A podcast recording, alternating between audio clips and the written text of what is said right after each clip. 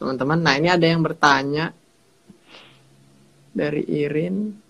Oke Leon, sama-sama. Iya. Terima kasih Ko Jeff kata Leon. Eh, Ada Pak Welko Oh iya, juga. sama-sama Bro Leon. Eh, nanti kita kalau kurang puas japri aja ya Bro Leon ya.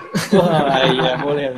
Pak Welko join nih. Selamat datang Pak Welko. Selamat datang Pak Welko. Waduh, ada tulis. ada ada Bang Welko nih. Saya jadi grogi nih.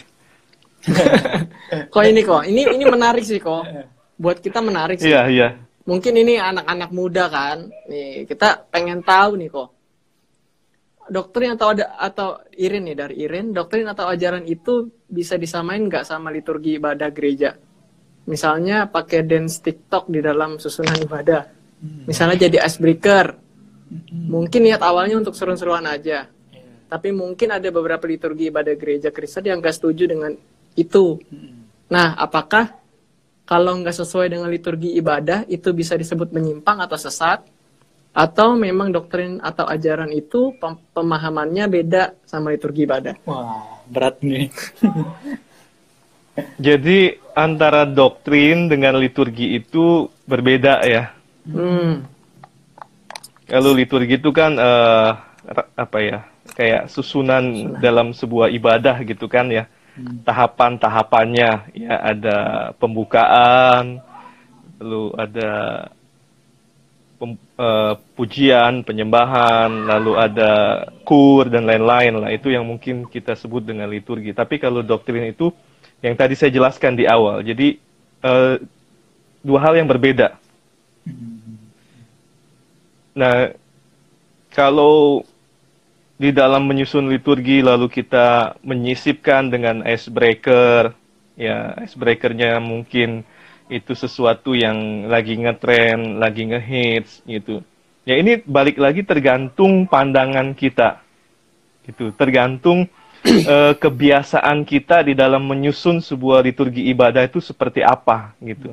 Kalau kita mungkin sudah terbiasa dengan sesuatu yang baru, ya sesuatu yang mungkin relevan, tetapi itu tidak menyalahi, tidak melanggar doktrin Alkitab, tidak menyalahi, melanggar peraturan tata, tata gereja GSJA, ya menurut saya itu adalah sesuatu yang sah-sah saja untuk dilakukan, asalkan dalam eh, cara-cara yang pantas, cara-cara yang yang yang yang layak untuk dilakukan di dalam gereja gitu.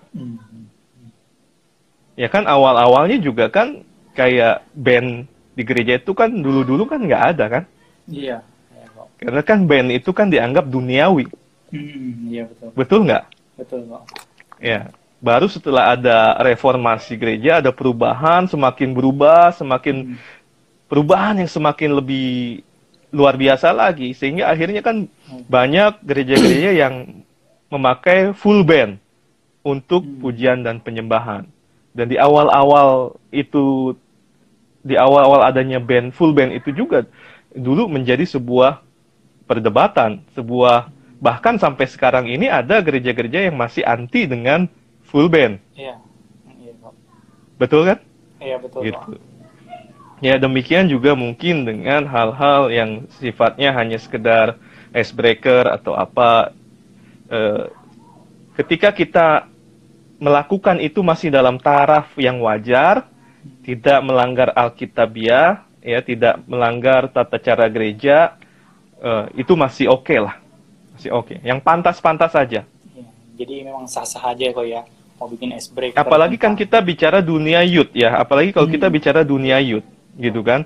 Youth ini kan eh, begitu dinamis, begitu berkembang dengan begitu luar biasa dengan pesat. Gitu. Tentunya kita juga harus punya tata cara atau metode-metode yang yang relevan dengan pelayanan youth gitu. Jangan sampai pelayanan youth kita juga terhambat hanya karena eh, pola pikir yang salah, pola pikir yang old, mi- old mindset gitu. Hmm, iya, iya, iya. Tapi harus ditekankan tadi harus tetap sesuai dengan firman Tuhan.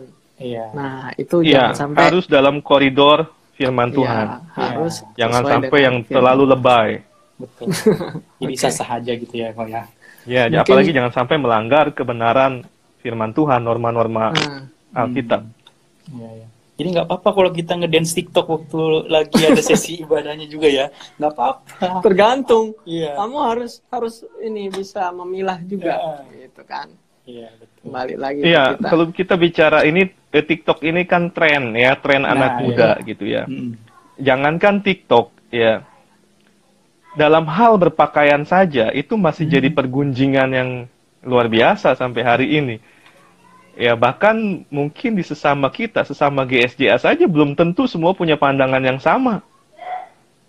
Mm-mm. Ada yang punya pandangan bahwa ibadah itu nggak boleh pakai jeans, nggak boleh pakai kaos.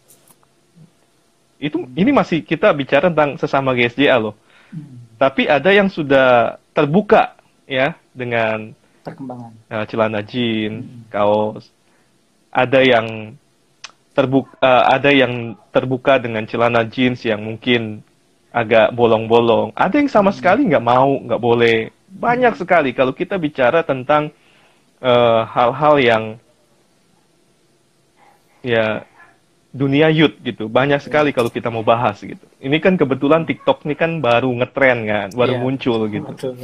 Ya, banyak padahal sebelum sebelumnya banyak banyak hal-hal yang menjadi eh, perdebatan pergunjingan juga tergantung bagaimana cara kita menyikapinya dan kalaupun itu dilakukan seperti tadi pesan saya tadi dalam koridor yang pantas yang sesuai dengan firman Tuhan tidak Iya. menyalahi norma-norma Alkitabiah Hmm, Ya, betul.